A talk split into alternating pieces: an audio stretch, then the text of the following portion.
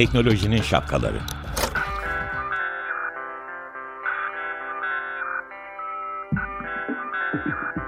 Bilgi ve iletişim teknolojileriyle güvenli ilişki için Banu Zeytinoğlu, Murat Lostar, teknolojinin tüm renklerini, siyah, beyaz, mavi, kırmızı şapkalarını konuşuyor.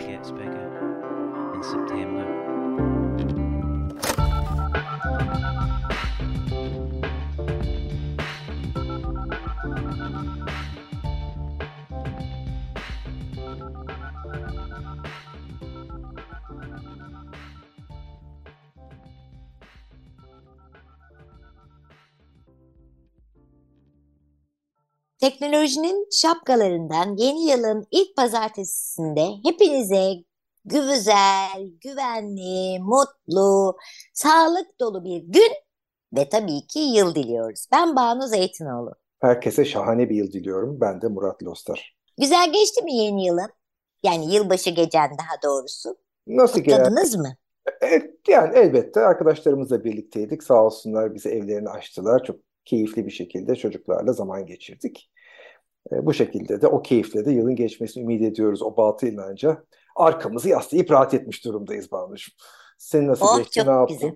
Ben de e, arkadaş grubumla beraberdim. Yaş ortalaması e, biraz yüksekti. Haldun Dormen, Göksel Kortay, Oya Başak falan gibi bir grupla İzmir'deydim. Ben onlarla çok eğleniyorum. Bir de e, hiç büyümüyorum, hep çıtırım onlarla olduğum zaman. Ama gerçekten hani çok keyifliydi. Ee, inşallah öyle de devam eder ee, bu yıl. 2023'e umutla girdim ben açıkçası. 2023'e umutla girdim e, derken aklıma şey geldi. E, bu hafta programımızda şu 2022'de siber güvenlik ya da güvensizlik açısından olan ilginç hani 2022'nin ilginç olayları az sonra rah rah yapsak ne güzel olur değil mi? Sonra bir de 2023'ten senin beklentilerin ne? Siber anlamda onu da konuşuruz. Memnuniyetle. Neler oldu tuhaf? Yani aslında tabii tuhaf denmez. Çünkü artık yıllardır bu siber olaylarla birlikte yaşıyorum ben. Dolayısıyla beni çok şaşırtmıyor ama tabii büyük olaylar oldu. Ben de bir hafızamı tazeledim. Birkaç tane web sitesine baktım 2022'de neler oldu diye. Ve hemen bir yıl olmak üzere işte Ocak ortası 2022'nin büyük kripto borsalarından Crypto.com'daki hırsızlık haberiyle aslında yılı açtık demem lazım. Büyük haberler yılını yoksa küçük haberler her gün onlarca oluyor ama 500 kişinin sayıca çok fazla değil ama bir işte kripto para cüzdanlarının çalınması olayıydı. Burada da yaklaşık işte 18 milyon dolar değerinde Bitcoin, 15 milyon dolar değerinde de Ethereum ve bir takım başka kripto paralar çalınmış. Bunların yaptığı şey de e, hani hırsızların yaptığıysa işte bu ilk kendi cüzdanına girerken ki kimlik doğrulamayı aşmayı başarmış durumda. Bunun merkez üssü neresiymiş bu evet. olayın? Amerika, Amerika Birleşik Devletleri. Amerika'da. Peki sonra ne oluyor? Bu ortaya çıkıyor. Bu mesela kaç gün içinde olan bir şey? Bu Crypto.com'un ki şu anda e, ezber hatırlamaya çalışıyorum. Yanlış hatırlamıyorsam böyle hani saldırının daha doğrusu e, hazırlıklar belki haftalar çok daha uzun da sürmüş olabilir. Ama bu hırsızlık vesaire bir haftanın konusuydu topu topu. Tabii Peki insanların bunu bir... fark etmesi şey olması zaman aldı. Peki bu fark edildi ve ne oldu? Yani püf o 18 milyon püf gitti mi? Yani bir yerlerden ulaşıldı, e, adamlar bulundu. Ne oldu? Hiçbir şey olmadı. Tek olan şey İlk... kripto kripto.com çok doğru bir aslında iş stratejisi ya da pazarlama stratejisiyle dedi ki ben bu paraları ödeyeceğim. Dolayısıyla bireylerin e, oradaki mağduriyeti her şey oldu ve bu sayede de Crypto.com hani buradan çıkalım deyip hani biliyorsun sen de eski bir bankacı olarak bankalar nasıl batar? İnsanlar banka battı diye düşünmeye başlayınca batar. Öyle olmadı. Crypto.com şu anda hala ayakta ama başka hikayeler de var bununla ilgili. Yıl içinde konuşacağız. Tamam. O zaman demek ki bu kripto paralarla ilgili güvenlik anlamında bir program yapacağız ayrıca. Peki 18 milyon dolarlık bir kayıpla başladık. Sonra neler milyon, oldu başka? Bitcoin 15 milyonda yani yaklaşık 32-33 milyon dolarlık bir şeyle başladık başladık. Giderle Hı. daha doğrusu zararla başladı yıla. Hani bu paralar takip ediliyor ama sonra bir süre sonra tabii izini kaybettiriyor şeyler. E, Mart ayına geldiğimizde ben, bence önemli haberlerden bir tanesi Mart ayına aitti. E, Microsoft bir e, veri sızıntısına uğradı. Microsoft hmm. neden önemli? Çünkü Microsoft'un teorik olarak hacklenmesi Microsoft'un kendisine vereceği zarardan çok Microsoft'u kullanan dünyadaki hani bilmiyorum bir milyar olmuştur herhalde. Bir milyar insana potansiyel olarak şey yapacaktır. E, Kullanmayanları saysak daha kolay yani. Kesin. İşte birkaç Afrika ülkesi falan deyip bitiririz çok çabucak listeyi. Burada da e, Lapsus Dolar diye bir hacker grubu girip bir şeyleri çaldığını, bu Microsoft'un arama motoru var Bing diye Google'ın rakibi olarak şu andaki en güçlü rakibi olarak biliniyor. İşte Cortana diye yine Alexa'nın rakibi ya da işte e, şeyin e, konuşma ve işte yapay zeka tarafı ve bir takım başka ürünler şey olmuş. Ama hani Microsoft tabii büyük bir firma, çok ciddi bir siber güvenlik ekibi barındırıyor içinde. Bunun da sayesinde e, şey yapmışlar yani hani saldırıyı herhangi bir müşteri verisine ulaşmadan engellemişler. Ama işte bir miktar bilgilerin gittiği bir hesabın ele geçirilmiş olduğunu da sonunda kabul ettiler. Ya peki bir şey söyleyeceğim. Ne gidiyor yani bilgilerin gittiği dediğim bu bilgiler ne bilgisi? Beni beni de ilgilendiren bir bilgi mi? Yani ben benden de bir şey gidiyor mu? Microsoft evet. kullanıcısı olarak yoksa kişisel veri, kullanıcı verisi gitmiş olsaydı seni çok ilgilendirirdi elbette. Fakat burada konuştuğumuz veri Microsoft'un kendi iç verileri, bazı yazılımlarının kaynak kodları, hani o yazılımların kodları hmm. gitmiş diye hatırlıyorum. Bu arada bu Lapsus Dolar oldukça büyük, e, ünlü bir hacker grubu. Yani geçmişte de e, Samsung gibi başka bir sürü şirketleri de saldırmış ve onları da da bir şeyler çalmayı başarmıştı diye ben hani Lapsus'u çok duyarım, bilirim. Peki bu kadar biliniyorsa yani böyle bir bu kadar ünlü bir gruptan bahsediyoruz. Bunlar gidiyorlar Microsoft'ta örneğin etek yani ne yapıyorlar? Saldırıyorlar. Biliniyorlarsa bunlar nasıl böyle legal bir şey yapıyormuş gibi dolanabiliyorlar? Neden yakalanmıyorlar? Neden kafaları kırılmıyor? Orayı anlayamıyorum. Bu kadar meşhur olunca. Şimdi grupta bir insanın adı meşhur değil. Grubun adı meşhur. Mesela sen tamam. de hatırlarsın geçmiş yıllardan Anonymous diye bir grup da yine çok ünlü gruplardan. Hı hı. Ama o grupta kimler var? O son derece gizli. Ve genellikle şöyle şimdi bunu biraz asker askere benzeterek ya da bir savaşa benzeterek günümüzde Rusya ve Ukrayna arasındaki savaşa benzeterek anlatayım. Rusya eğer Ukrayna'ya kara kuvvetleriyle, deniz kuvvetleriyle, hava kuvvetleriyle saldırırsa e, Ukraynalılar karşılarındaki saldırının kim olduğunu hemencecik anlayacaklar öyle değil mi? Çünkü karşılarında evet. bir asker var, karşılarında bir bomba var. Hani uzaydan bile düşse bir bomba parçalarına bakıp aa bak bu Rus yapımı, bu Amerikan yapımı, bu Çin yapımı diyebilir bir insanoğlu. Evet. Ama siber güvenlik saldırılarında ya da siber güvenlik e, savaşlarında olay böyle olmuyor. Çünkü e, ben örnek veriyorum Rusya Ukrayna'ya yine saldırsın. Rusya önce gidiyor e, Zimbabwe'de bir, bir takım bilgisayarları ele geçiriyor. Hmm. Ve kendisini Zimbabwe'de gibi göstermeye başlıyor. Sonra Zimbabwe'den çıkıyor.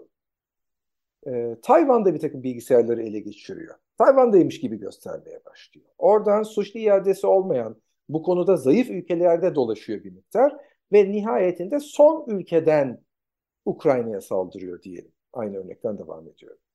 Dolayısıyla e, Ukrayna kendisine saldıranın aslında son ülke olduğunu görüyor. O ülkeye diyor diyor ki siz bana niye saldırdınız? Yani kim var da bunu niye demiyor ülkeye de hani onların e, polis ve işte kolluk kuvvetlerine haber veriyor. Onlar bakıyorlar diyorlar ki evet saldırmışız ama işte bize saldıran e, şey e, neden ona cihazlar aslında daha önce hack edilmiş, hack edilmiş bilgisayarlardan saldırılmış size. Peki sizi kim hack etti? Çoğu zaman bulunamıyor. Hadi bulunsa bir ülke iki ülke geri gidiyorsun. Bir süre sonra izni kaybettiriyor bireyler ve ülkeler. Anladım. Ama ben anladım ki e, aslında bu hacker gruplarını e, işleyiş biçimini seninle bir gün konuşmak istiyorum. Çünkü bir şirket yönetimi gibi yani oradaki hiyerarşik düzenle nasıl geçiniyorlar, birbirlerine nasıl güveniyorlar falan filan bunları da e, bu yılki programlarımızdan bir tanesinde konuşalım. Memnuniyetle. Ee, işletme biçimini. Peki e, Mart ayında e, Microsoft oldu. Bir tane daha, daha... bahsetmek istiyorum izin verirsen. Zamanında etkin kullanıp senin bugün seçtiğin e, parçayı dinlemeden önce. Hani çok benzer türler var. Onları geçiyorum. Mesela Ronin'in var. O çok daha büyük 625 milyonluk bir kripto hırsızlığıydı vesaire. Onları geçiyorum. Ama e, Kızıl Haç, Red Cross e, yani bizim hı hı. Kızılay'ın e, Hristiyan ülkelerdeki karşılıklarında bir önemli bir saldırı oldu. Burada da e, onlardan yardım alan, hizmet alan yaklaşık 500 bin kişinin e, kişisel verileri çalındı. Oo bu en beteriymiş çünkü direkt bireye gitti. Evet. Konu yani.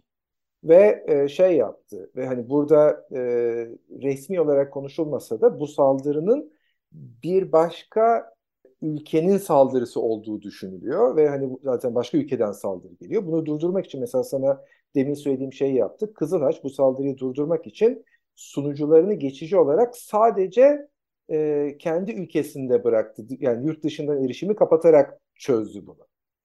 Hmm. Ama temelde kim saldırdı bilinemedi. Bu saldırıyı üstlenen de olmadı. Öyle yarım kalmıştı diye anımsıyorum. Orada da herhalde çok büyük maddi zarar ve yardım zararları olmuştur. Tabii. Anladım. Şimdi istersen 2023'e geçmeden önce benim seçtiğim parçayı e, e, dinleyelim. E, bu 2022 benden benim için çok korkunçtu. Beni gerçekten ezdi geçti. Sen de çok yakın arkadaşım olarak biliyorsun. Annemi kaybettim, iki köpeğimi kaybettim, bir yanındaki en yakın arkadaşımı kaybettim. Hastalanan arkadaşlarım oldu ve gerçekten bundan arınmak istiyorum ve gençliğimizin yine sevdiğim şarkısı, sevgililerimize söylediğimiz bir şarkıyı bizi terk eden e, aslında bir şarkıyı seçtim. Gloria Gaynor'dan I Will Survive. Evet yeni yılın ilk gününde seçtiğim parça Gloria Gaynor'dan I Will Survive'dı. 2022'nin üzerimizde bıraktığı bütün ağırlıklardan arınmak dileğiyle devam ediyoruz. 2022'de başımıza gelen e, siber e, saldırılarla ilgili birkaç örnek verdik en büyüklerinden. Şimdi 2023'te başımıza ne gelecek? Hadi Nostradamus olsa. Yani ben de memnuniyetle olayım ama hani e, dünyanın bütün büyük siber güvenlikle ilgilenen şirketleri de zaten şimdiden 2023 öngörülerini açıkladılar bağımlı. Dolayısıyla bunların bir kısmı benim daha doğrusu bunların hepsini hemen hemen okudum. Ama bunlar içinden benim kendi sentezimdeki bir iki tane konuyu seninle paylaşacağım izin verirsen. Hazırım. Ee, bunlardan bir tanesi aslında bizim de ilk programlarımızda hemen öncelik olarak verdiğimiz ve şeye koyduğumuz işte e, neydi Spotify'a koyduğumuz e, programlarda çok önemli konulardan bir tanesi bilgisayarlar üzerinde ki kimlik hırsızlığı ve kimlik doğrulama saldırılarıydı olacak yüksek olasılıkla. Bu zaten her zaman ilk üçte yer alan bir saldırıdır ama benim buradaki farklı düşüncem şu Banu. Biliyorsun 2022 bir taraftan yapay zekanın da gerçekten çok of. geliştiği bir yıl oldu. Ve bu gerçekten. yapay zeka sadece işte soru sor sana cevap versin, komik böyle hani eğlenelim, küçük videolar çekelim teknolojisi değil, saldırganların da emrinde. Dolayısıyla onlar da bunun üzerinden bir takım şeyler yapacaklar diye düşünüyorum. Yapay zekayı kullanarak normalde saldırganlar bireye kolay kolay özelleşmiş saldırı yapamıyorlar. Şimdi bu yapay zeka sayesinde yapabilirler gibi düşünüyorum. Burada bir yapımız söz konusu. O zaman yapay zekada işleyeceğimiz konulardan bir tanesi yani birçok programda işlememiz gerekiyor zannedersen bir program yetmez. Şu yapay zeka ile ilişkimizi bir gözden geçirelim. Avatarlar falan arkadaşlar. Evet. Kesinlikle. İkinci olarak hani 2022'nin de ilk olayı olarak da biraz bahsettim. Hani veri hırsızlıkları vesaire yanında geçtiğimiz programlarda da bahsettiğimiz fidye saldırıları vardı. Bu fidye saldırıların çok artacağı zaten istatistiksel olarak da belli. Yani böyle lineer olarak düz bir çizgide artmıyor. Böyle vites büyüterek, hızlanarak artan bir saldırı var. Bunun da e, şeyi artacak ama burada biraz daha geçen 2022 olduğu gibi 2023'te de direkt bir şirkete saldırmak yerine bunun yanında e, tedarik zinciri sayesinde bir tedarikçiyi yakalayıp o tedarikçinin bütün müşterilerini etkileme prensibindeki saldırıların artacağını düşünüyoruz. Bu fidye saldırısından tam neyi kastettiğini bir lokmacık hatırlatır mısın? Memnuniyetle. E, saldırganlar ya bir yazılım ya, ya da elle e, senin sistemlerine giriyorlar. Sistemlerindeki tüm dosyaları şifreliyorlar ve senin için de kullanılmaz hale geliyorlar. Bir kısmını da çalıyorlar. Sonra dönüp sana şantaj yapmaya başlıyorlar. Diyorlar ki e, o verilerini kurtarmak istiyorsan anahtarı bende. Bana para ver, sana anahtarını vereyim, aç kullan. Ha, sende kopyası var. Ben şifreleyemediğim bir kopyası varsa belki oradan kurtarabilirsin. Ama o zaman sen yine bana para ver. Çünkü verilerin bir kısmını da zaten kendime kopyaladım. Para vermezsen bunu internette herkese açacağım. Seni rezil hmm. Bir çeşit şantaj yani. Anladım. Bu çok uzun zamandır yani biz seninle ilk program yaptığımız zamanlarda da e, o, olan bir yöntemdi ve hala da devam ediyor. Anladığım kadarıyla bundan çok güzel para kazanılıyor. Onun için bu, bundan hiç vazgeçmiyorlar. Sebebini de sonucunda çok güzel ifade ettin. Bir şey eklemeyeceğim daha. Teşekkür ederim. Şimdi ee, bir sonrakine geçeyim izin verirsen. Üç. Ee, üç. Şimdi e, hani dünya biraz zorlaşmaya başladı. Yani bu Türkiye'nin ekonomik durumlarından bahsetmiyorum. Genel olarak dünyada da para değerlendi. O özellikle pandemi dönemindeki bolluğu biraz kaldırmaya çalışıyorlar. Türkiye dışındaki birkaç ülke hariç tüm dünyada para daha değerli hale geldi. Bir de tüketim arttı. Yani insanların talepleri çoğaldı. Yani bu bütün bu teknolojiyle beraber herkes her şeyi takip edebiliyor ya. Ya da işte bütün bu dizi çok diziler olmasıyla falan bir özendiren olaylar çok oldu falan ve paraya da talep arttı, mala da talep arttı. Kesinlikle. Ee, bu demin bahsettiğim işte fidye ya da başka tür yapan saldırganlar da e, bir taraftan güvenlikte bir iyileşme var elbette. Yani bir, bu bir yarış tabii de hani şeyi fark ettiler. Şirketlerin en zayıf halkası çalışanları siber güvenlik anlamında. Ve bu, bunu iki anlamda söylüyorum. Birincisi e, çalışanların e, hatalarından yararlanarak şirketlere sızıyorlar. Ama ikincisi şirketten kendine hedef seçiyorlar. O insanları bir şekilde kandırıp kendi baskıları, boyundukları altına alıyorlar. O insanlara yani şirketin içindeki çalışan insanlara baskı yapıp oradan aldıkları bilgilerle çok daha büyük saldırılar gerçekleştiriyorlar. Yani bir dakika, iç, baskı derken, iç tehditler artık. Nasıl baskı yapıyorlar? Yani eskiden şey mafya gibi yani. Eskiden silahla baskı yapılırdı ya da birinin canını kastetmekle yapılırdı. Buna benzer yani buna benzer dediğim bunun sibercesi mi yapılıyor? Nasıl baskı yapılıyor? Yo, hala klasik şeyler siber aracı olarak kullanıyor. Mesela örnek adamın bir kumara yatkınlığı vardır. Adamı hmm. kumar oynattırıp borçlandırıp çözüm olarak hadi bana şunu yap yoksa senin borcunu bilmem ne yapacağım senin başına şunu yapacağım diyor. Ya da diyelim bir cinsellik merakı var. İnternet üzerinden birisini onun üzerine salıp işte e, çok seni falan filan deyip ondan sonra bu webcamle onun bir takım fotoğraflarını, videolarını kaydedip şimdi şunu yapmazsan bunu senin ailene yollayacağım, bunu senin yöneticilerine, patronlarına yollayacağım gibi şantajlarla ama oradaki amaç o bireyden para almak değil, bireyin şirketin çok daha büyük zarar görmesine sebep olacak bir takım işleri yapmasını sağlamak ya da bilgileri paylaşıyor olmak. Yani aslında şu bahsettiğin üç örnekte e, herkesi ilgilendiriyor. Onun için biz diyoruz ki herkesi ilgilendiren e, program e, po, şey teknolojinin şapkaları. Yani bu en son bahsettiğim bir yönetici olarak eğer ki patronsa onu ilgilendiriyor. E, çalışan ekibindeki kişilerin kandırılabileceğini bilmek. Ama ben de diyelim ki bir şirkette çalışıyorsam ben de o kurbanlardan biri olup benim de bir zayıf noktamı bulabilirler ve ben de e, korkunç bir noktaya gelebilirim diye düşünüyorum. Şöyle biz e, Instagram adresimizi aldık e, teknolojinin şapkaları, daha doğrusu sapkaleri diye bir Instagram adresimiz var artık. Bunu takip etmenizi rica ediyoruz. Bütün podcast kanallarımız falan her bir şey oraya güzel güzel yükleyeceğiz. Bir de oradan bize DM'den konu duymak istediğiniz, merak ettiğiniz konu başlıklarını iletirseniz çok e, seviniriz.